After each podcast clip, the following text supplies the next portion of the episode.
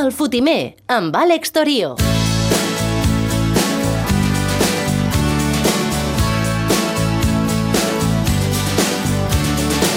Every time I look into your loving eyes, I see love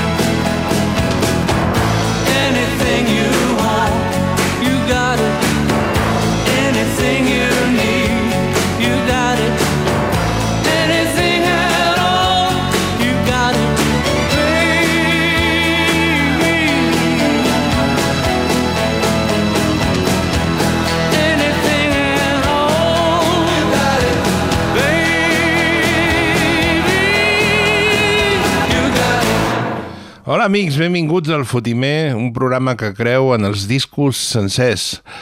Darrerament hi he estat pensant molt en això i he arribat a una conclusió. Uh, els discos sencers m'agraden perquè estan associats a una època en la vida d'un artista. I si l'artista ho és, i no és simplement algú a qui li fa gràcia sortir a un escenari a ser admirat una estoneta, com passa amb la majoria de gent que ara té interès a aparèixer als talent shows, que més semblen ser la millor opció per començar una carrera musical. I, és a dir, si l'artista no és com allò de la cançó de Concha Velasco, mamà quiero ser artista, mamà ser protagonista, doncs llavors els seus discos, cadascun i el conjunt de tots ells, acaben explicant-nos la seva vida, les diferents etapes d'aquesta vida, les inquietuds canviants amb el temps, en definitiva l'existència d'una persona, i això és tot el que som. Avui tenim un artista amb molta història darrere. Escoltarem sencer Mystery Girl, el darrer disc de Roy Orbison, és un disc del 1989. Hi ha molta història darrere aquest disc. De moment hem escoltat You Got It, que va ser un èxit molt considerable a tot el món, una cançó escrita per Roy Orbison, amb Tom Petty i Jeff Lynne, de la ELO. I, ostres, com és això? Però Roy Orbison va començar la música a mitjans dels 50, en aquella època dels pioners del rock, fent eh, rockabilly. Ell venia del country, però el seu moment de gran èxit havia estat als inicis dels 60, durant aquella primera meitat de la dècada, 60-64, abans que tota l'escena s'omplís dels grups de joves, especialment anglesos, de la British Invasion. Eh, D'aquella època són famosos els seus grans èxits de, dels començaments, que són Only the Lonely, Crying o Pretty Woman, uh, o In Dreams. Roy Orbison va ser un referent per molts grups d'aquests anglesos, el consideraven un dels pioners del rock, com els Beatles, els Stones, que li van fer de taloners a ell i viceversa també. Um, els Beatles, uh, jo, jo he sentit alguna entrevista amb, amb Lennon o amb McCartney, ho he llegit, on deien que trobaven increïble la manera que feia les cançons, com les es estructurava, especialment en Roy Orbison. Perquè normalment fuig del clàssic estrofa, tornada, estrofa, tornada i coda si cal. De tota manera, tot aquell èxit de principis dels 60, el monstre de la indústria musical el va devorar, perquè sempre devora tot allò que fa olor a una mica vell, i es va passar els següents 20 anys, des del 65, sobretot l'etapa dels 70 és molt fosca, doncs allunyat dels focus mediàtics. En aquella època va viure moltes desgràcies, va morir la seva dona en un accident amb una moto que conduïa ell, no va ser culpa d'ell pel que tinc entès, i també va haver-hi un incendi a casa seva quan ella estava de gira per Anglaterra i va morir dos dels seus fills. Un personatge bastant desgraciat que ja acompanyava amb la seva estètica fosca, amb ulleres eh, de sol, perquè per un problema de vista, però el cabell negre, llarg, tenyit, algú que no era especialment eh, comunicatiu a l'escenari, no? Eh, tot això va anar construint un personatge que era molt sincer. Després d'aquests anys de, de desaparició del Focus, com dèiem, eh, l'any 86 David Lynch va incloure la cançó In Dreams, que la cançó era del 63, ella tenia 23 anys, a la pel·lícula Blue Velvet. I la gent va donar-se compte que aquella música era boníssima i que aquella veu era increïble. I es va començar a generar un revival Roy Orbison. I hòstia, si està viu aquest tio. Va haver-hi gent que va contribuir a això, com Bruce Springsteen, George Harrison, Tom Waits, Elvis Costello, Jackson Brown, que van fer conjunts un concert a l'any 87 que es deia Black and White Night. Ja de tant en tant es van veient imatges d'aquest concert tan especial. A l'any 86 Orbison havia fet un disc recordant aquells pioners de 20 anys enrere, una cançó amb un... no, 30 anys enrere, amb un disc que es deia Class of uh, 55, on hi havia Johnny Cash, Carl Perkins i Jerry Lee Lewis. Ara ja tots quatre ja no hi són. A l'any 88 es va formar el supergrup més important de la història, que eren els Traveling Wilburys, format per Roy Orbison, Bob Dylan, George Harrison, Tom Petty i Jeff Lynne, que van triomfar molt amb el tema Handle with Care.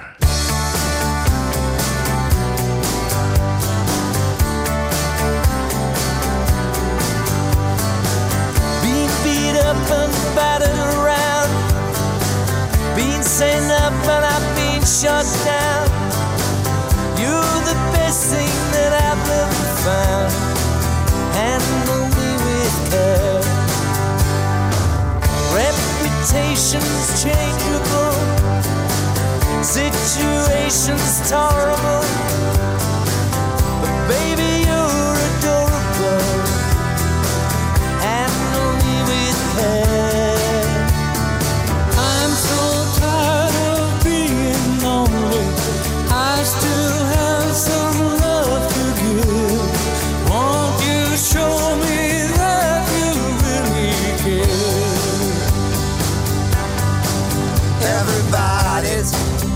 somebody to lean on.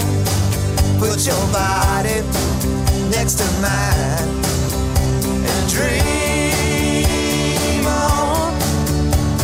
I've been up and I've been fooled.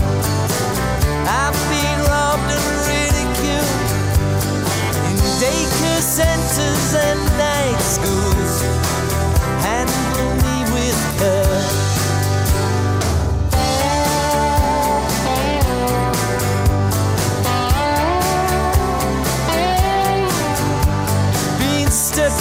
Ports, terrorized, sent to meetings, hypnotized, overexposed, commercialized. Handle me with care.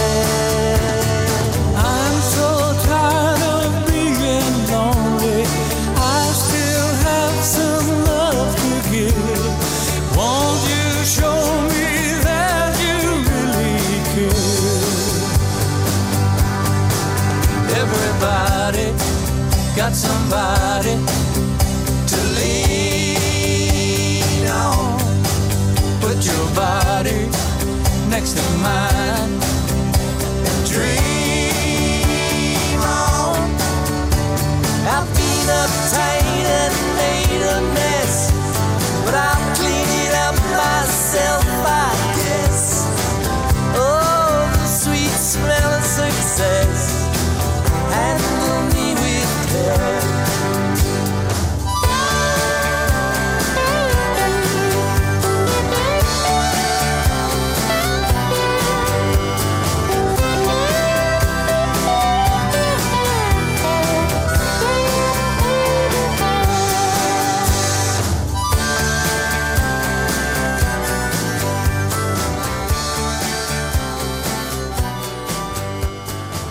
Aquesta cançó està escrita per Roy Orbison amb George Harrison i va tenir força èxit dins del context de finals dels 80. Pertanyia al disc Traveling Wilburys Volume, Volume 1, el primer volum. Només van treure dos discos perquè eh, va morir Roy Orbison entremig del, del primer i el segon. El segon es titula Traveling Wilburys Volume 3, el 3, 3, és bastant humorístic el tema. Van dir farem el, el disc 1 i el disc 3 i que la gent en un futur es torni boja buscant el, el 2. La veritat és que demostren molt sentit de l'humor amb això. És important aquest disc perquè el 87 Jeff Lynne, un dels membres de, de Traveling Wilburys, tirava del carro i va dir, ostres, anem a gravar un, un nou disc de retorn. Feia 10 anys que, que Roy Orbison no publicava material nou. I el resultat va ser aquest Mystery Girl, protagonista del programa d'avui. És un disc màgic que actualitza amb el so de finals dels 80, principis dels 90, aquell estil tan personal de Roy Orbison de finals dels 50, principis dels 60. Ja veureu que és una meravella de disc. El seguim escoltant amb In the Real World, una cançó que, tot i que no és escrita pel propi Roy, ens transporta al seu estil de tres dècades enrere. Eh, Fixeu-vos en l'estructura, per exemple. In dreams we do so many things. We set aside the rules we know. And fly above the world so high in great and shining rings. If only we could always live in dreams. If only we could make of life what in dreams it seems. But in the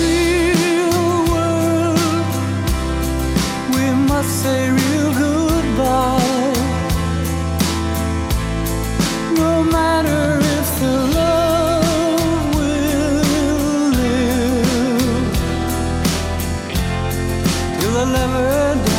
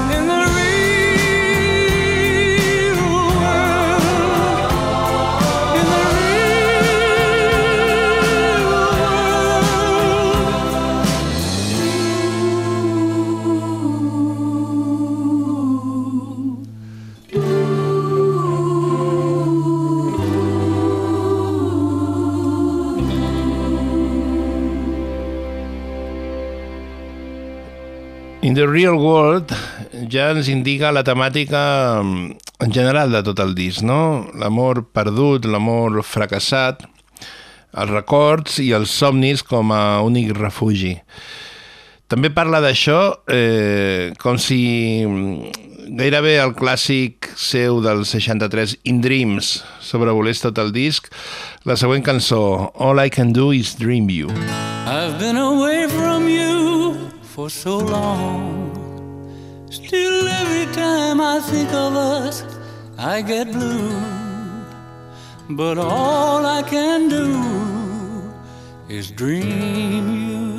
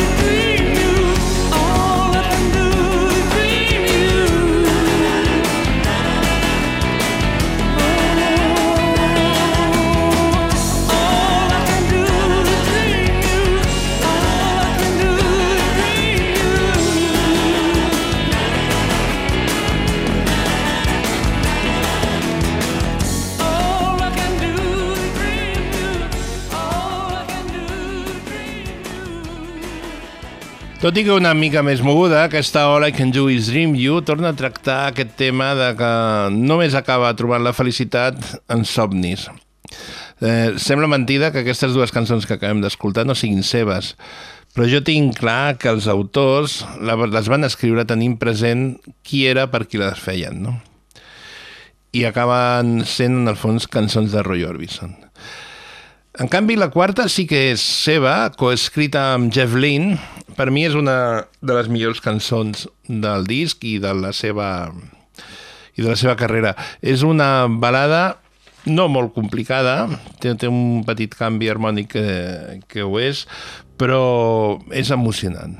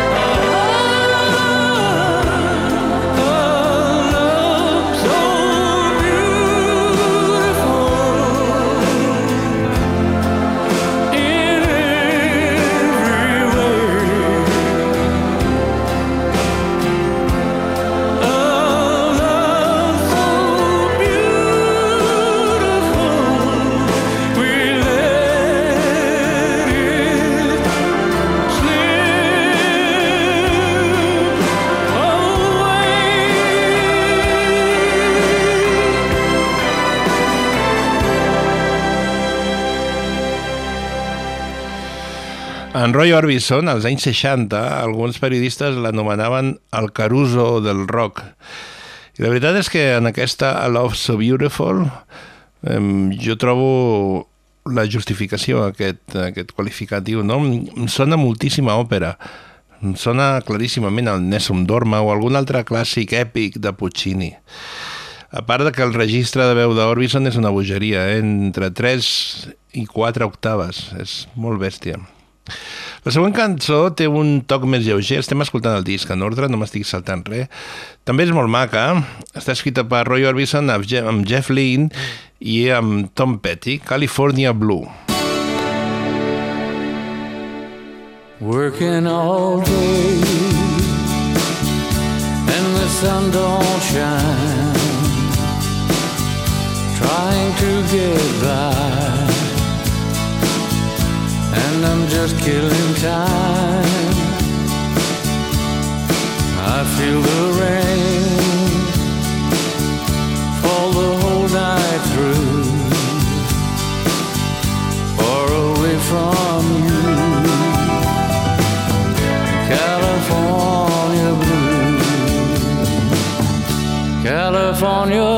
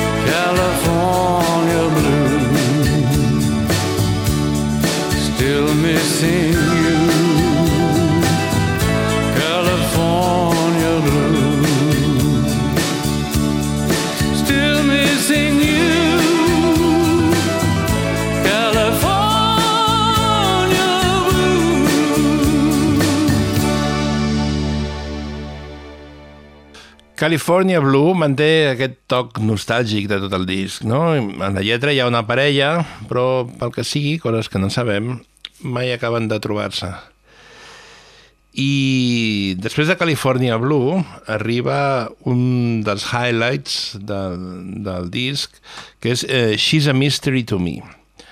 És una cançó que va escriure Bono i The Edge, dels U2.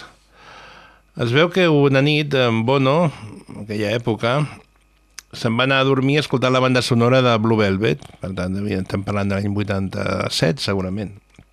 És la banda sonora on surt In Dreams, aquella cançó tan important de Roy Orbison de 23 anys enrere. I se'n va anar a dormir es, uh, escoltant la, la banda sonora i al matí tenia una cançó al cap. Va dubtar de si era original o era una cançó que sortia a la banda sonora, però va veure que no, que era seva. Llavors va unir-se amb The Edge i es van posar a acabar una cançó, a acabar la cançó com solen fer. Eh, el resultat és aquesta She's a Mystery to Me, que va ser tan important, la van gravar amb, amb Bono, Bono toca la guitarra aquí, i Bono va fer de productor, va resultar tan important i tan emblemàtica pel disc que és d'on surt el títol. La cançó és She's a Mystery to Me i el disc és Mystery Girl. Darkness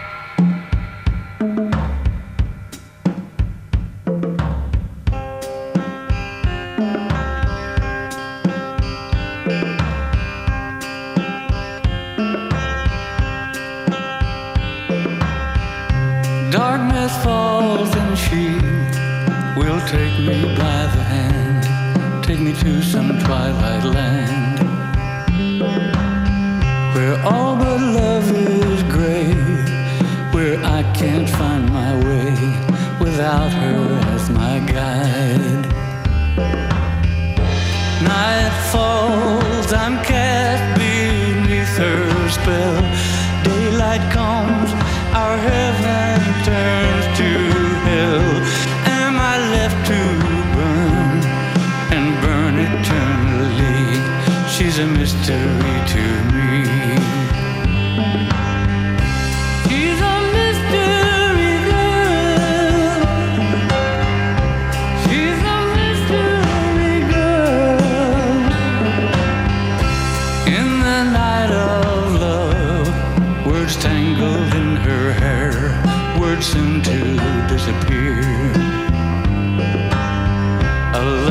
Sharp it cut like a switchblade to my heart, words tearing me apart.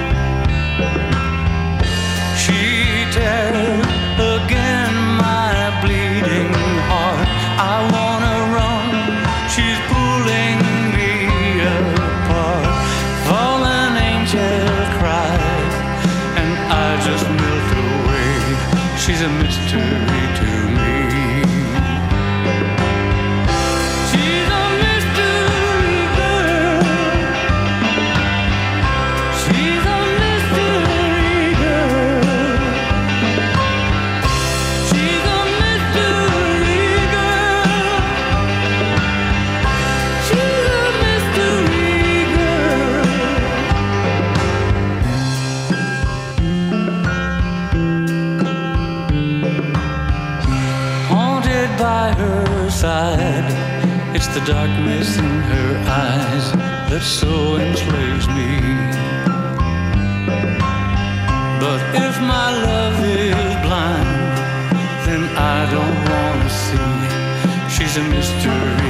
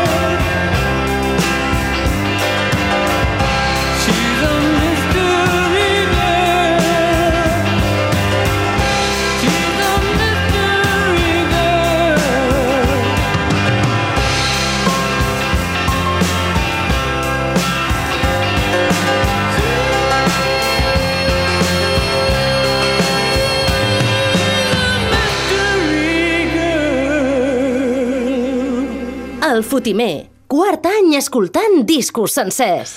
Quan van fer el concert en blanc i negre, l'any 87, un dels músics a l'escenari era Elvis Costello. Potser per això Orbison, en aquest disc, va decidir incloure una versió d'ell.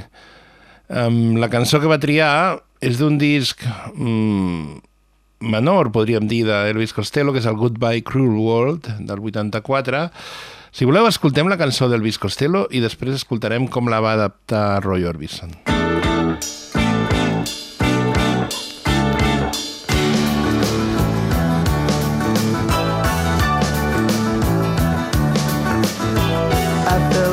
Such gentle persuasion. You can't refuse, it's like a home from home. Meanwhile, in the motor car kingdom, finding all that glitters is not chrome. The social circle had these cardiac complaints. Their hearts are empty and their hands are full. All these new newfound found acquaintances turn out to be the red rack of my book. And I'm up while the dawn's breaking, even though my heart is aching. I should be drinking toast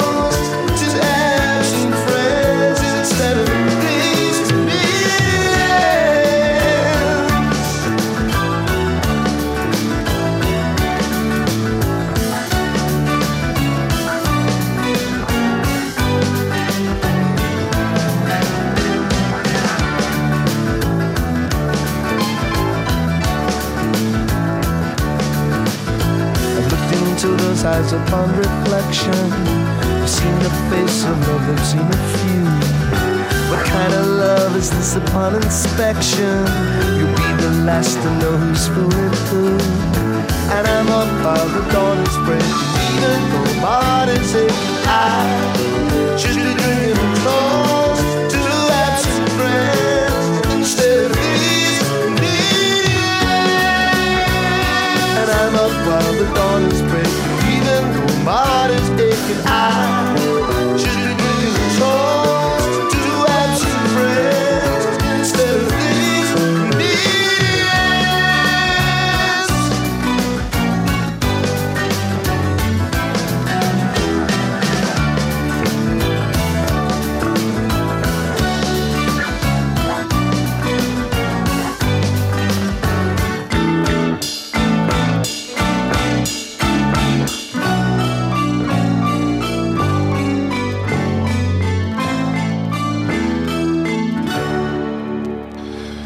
Doncs aquesta cançó, un punt lleuger, eh, és impressionant en què va treure en, Roy Orbison amb The Comedians dins del Mystery Girl.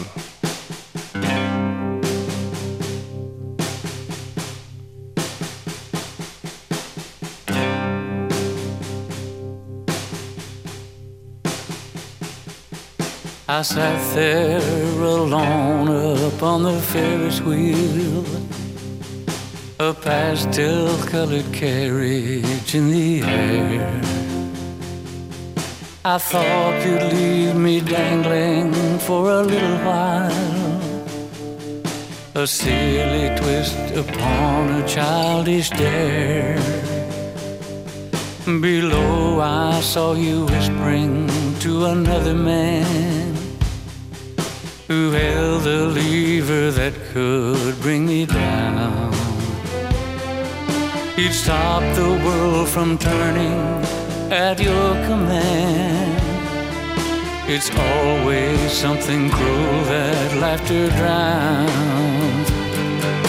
And I'm up while the dawn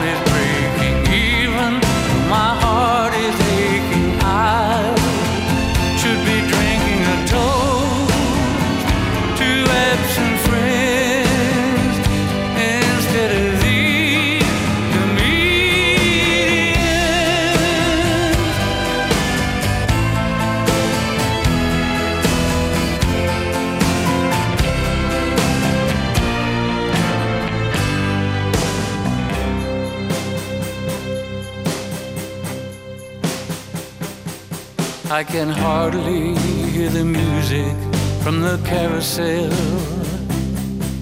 The wind picks up, the carriage starts to sway. As one by one the lights go out, it's closing time. I see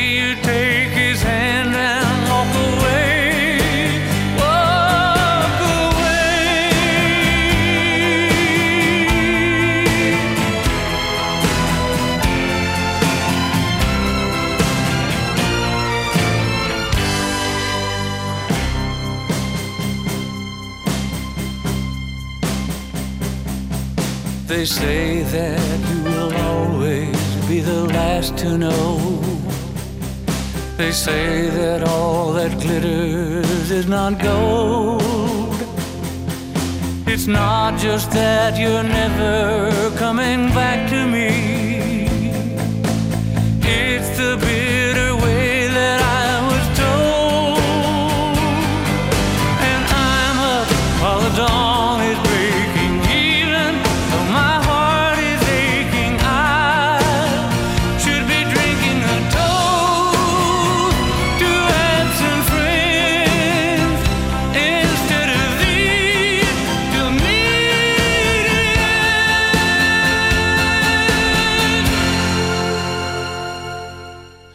Increïble com se la porta al seu terreny, no? si feu la comparativa amb la cançó de Costello. Um, a més, fa una cosa que és uh, que li canvia la lletra i el seu canvi de lletra la converteix en una cançó molt més melanconiosa. Um, després de Comedians, que dins del Mystery Girl és la setena cançó, el disc en principi només té 10 cançons, anem a The Only One. És la darrera cançó del disc que no, en la que ell no participa com a compositor. Everyone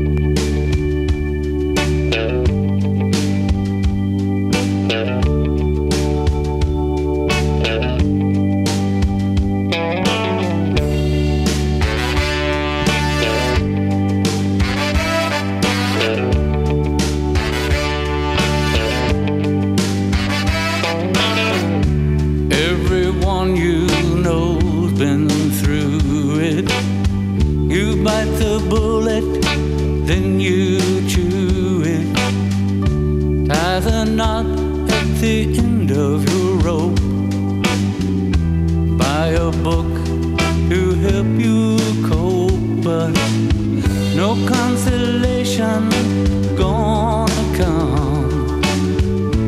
You're the only one. Take a look through history. Recant some bits of poetry. You'll find the words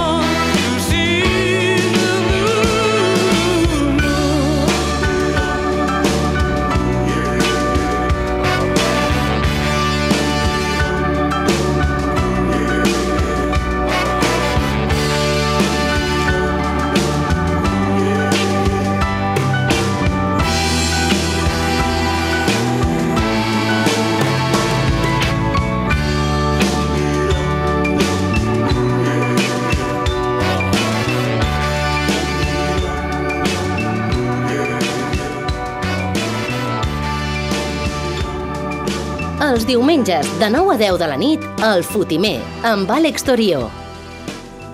Doncs sí, els diumenges a l'FM, però també en els podcasts tot l'any, tota la vida i mentre l'univers duri, aquí ens quedarem, crec. Um, The Only One, cançó vuitena del Mystical. Anem a la... Anem amb eh, Windsurfer. Aquesta Windsurfer eh, és la penúltima del disc, està coescrita amb Bill Dees. Bill Dees era un col·laborador habitual de Roy Orbison ja des dels anys 60. Roy Orbison no és molt prolífic en quant a quantitat de cançons, però les que té són boníssimes i de vegades estan coescrites amb algú. Ves a saber quina és la dinàmica que et porta a estar més còmode coescrivint amb algú, però hi ha molta gent a qui li passa. Eh, Bill Dees és coautor de la famosíssima Oh Pretty Woman, no? I aquí es reuneixen per fer windsurfer.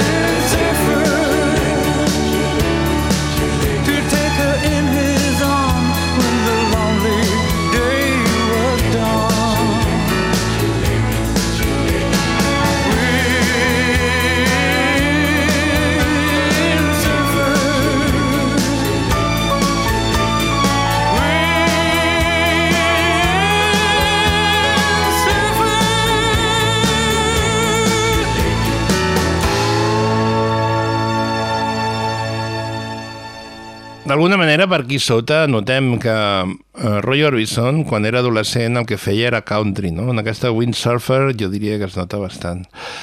Eh, el disc acaba oficialment amb la següent cançó, Careless Heart, que està escrita per Roy Orbison, amb la compositora Diane Warren i també Albert Hammond, que és el pare del guitarrista dels Strokes.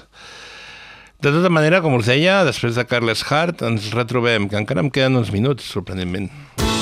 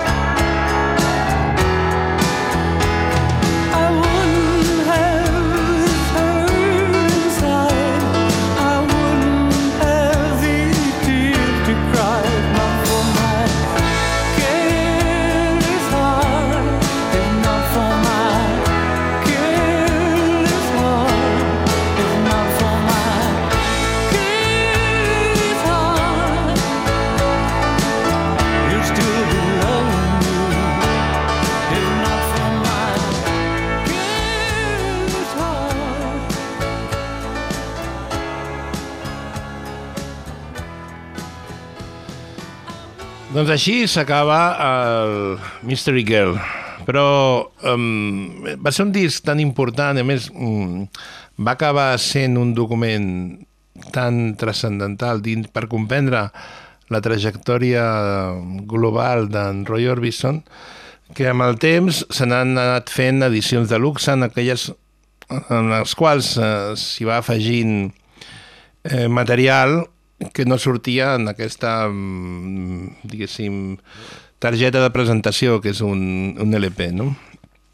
I hi ha diverses, com a mínim dos, conec dues reedicions on s'hi afegeixen coses, i per acabar, que només quedaran de cara al podcast, perquè no hi haurà temps de tot, us posaré eh, dues cançons més. Eh, per cert, és molt interessant donar-se compte que aquest disc que està fet eh, tant de trossos, no? perquè està gravat en diferents moments, amb diferents productors de diferents estudis, eh, sembla un miracle que acabi sonant coherent. Però jo tinc claríssim que això és perquè és Roy Orbison i la seva presència era tan imponent que acabava dominant-ho tot, eh, amb la seva veu i amb com influïa sobre el seu entorn, sabent que Roy Orbison significava una manera de fer música. Veureu que eh, a través de... Bé, posaré dues cançons. Una és You May Feel Me Crying, d'acord? I, I una altra que posaré és You Are My Love. Ara us explico. La You May Feel Me Crying està produïda per Brian Eno. Dius, hosti, què pinta Brian Eno aquí? Doncs clar, era l'època en què Bono estava amb el, amb el Brian Eno fent el Joshua Tree, i, i després fent l'Acton Baby, no? Llavors, clar, és normal que, que Brian Eno aparegui en algun moment, no? La cançó no va entrar en el disc, però apareix en aquestes edicions posteriors, no? Jo tinc un Mystery Girl Expanded, en CD que eh, inclou aquesta. I encara hi ha una coseta més. Eh, aquesta que us deia que es diu You Are My Love és un exemple de com devien treballar en Roy Orbison amb en Bill Dees. Uh, és un caset, una gravació de caset, ells dos assajant sols per crear una cançó. Penso que és una cosa interessantíssima poder-nos ficar aquí com, un, com uns espies. Eh? D'això, eh, bueno, el disc, suposo que ja ho sabeu la majoria, una de les coses més importants del disc és que quan va sortir Roy Orbison ja era mort va morir eh, novembre del novembre-desembre del 88 i el disc va sortir el gener del 89. Per tant, eh, es va convertir en un document increïble, un disc pòstum, jo diria que al nivell del Pearl de Janis Joplin. Um, no... Va ser una mort repentina, tenia 52 anys només, eh? i es va morir d'un atac de cor i bé, ens va deixar això i va tancar una mica en el mateix estil de David Bowie no? va tancar una carrera espectacular us deixo amb aquestes dues cançons fins la setmana que ve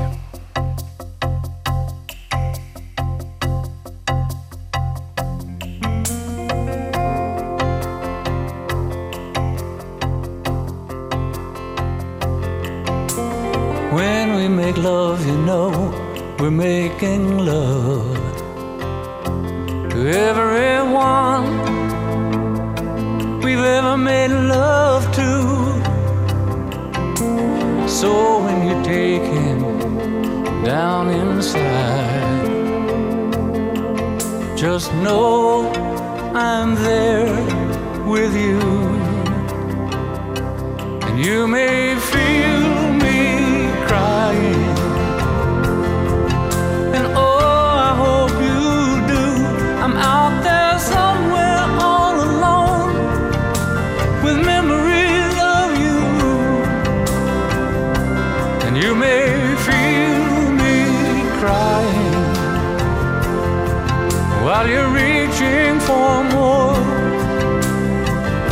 I just hope someday I see you standing at my door.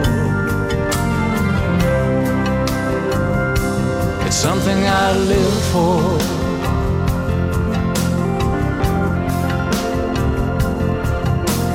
They'll fill you up, I know, with shining dreams to touch your heart because you thrill them so. But there's a place they'll never touch. Just you and I can know.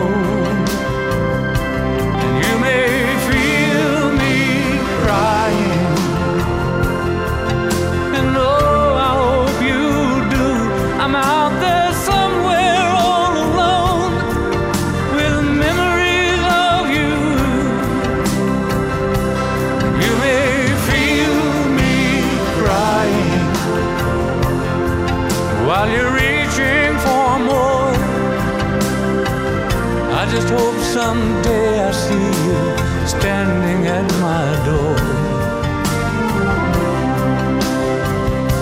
It's something I do.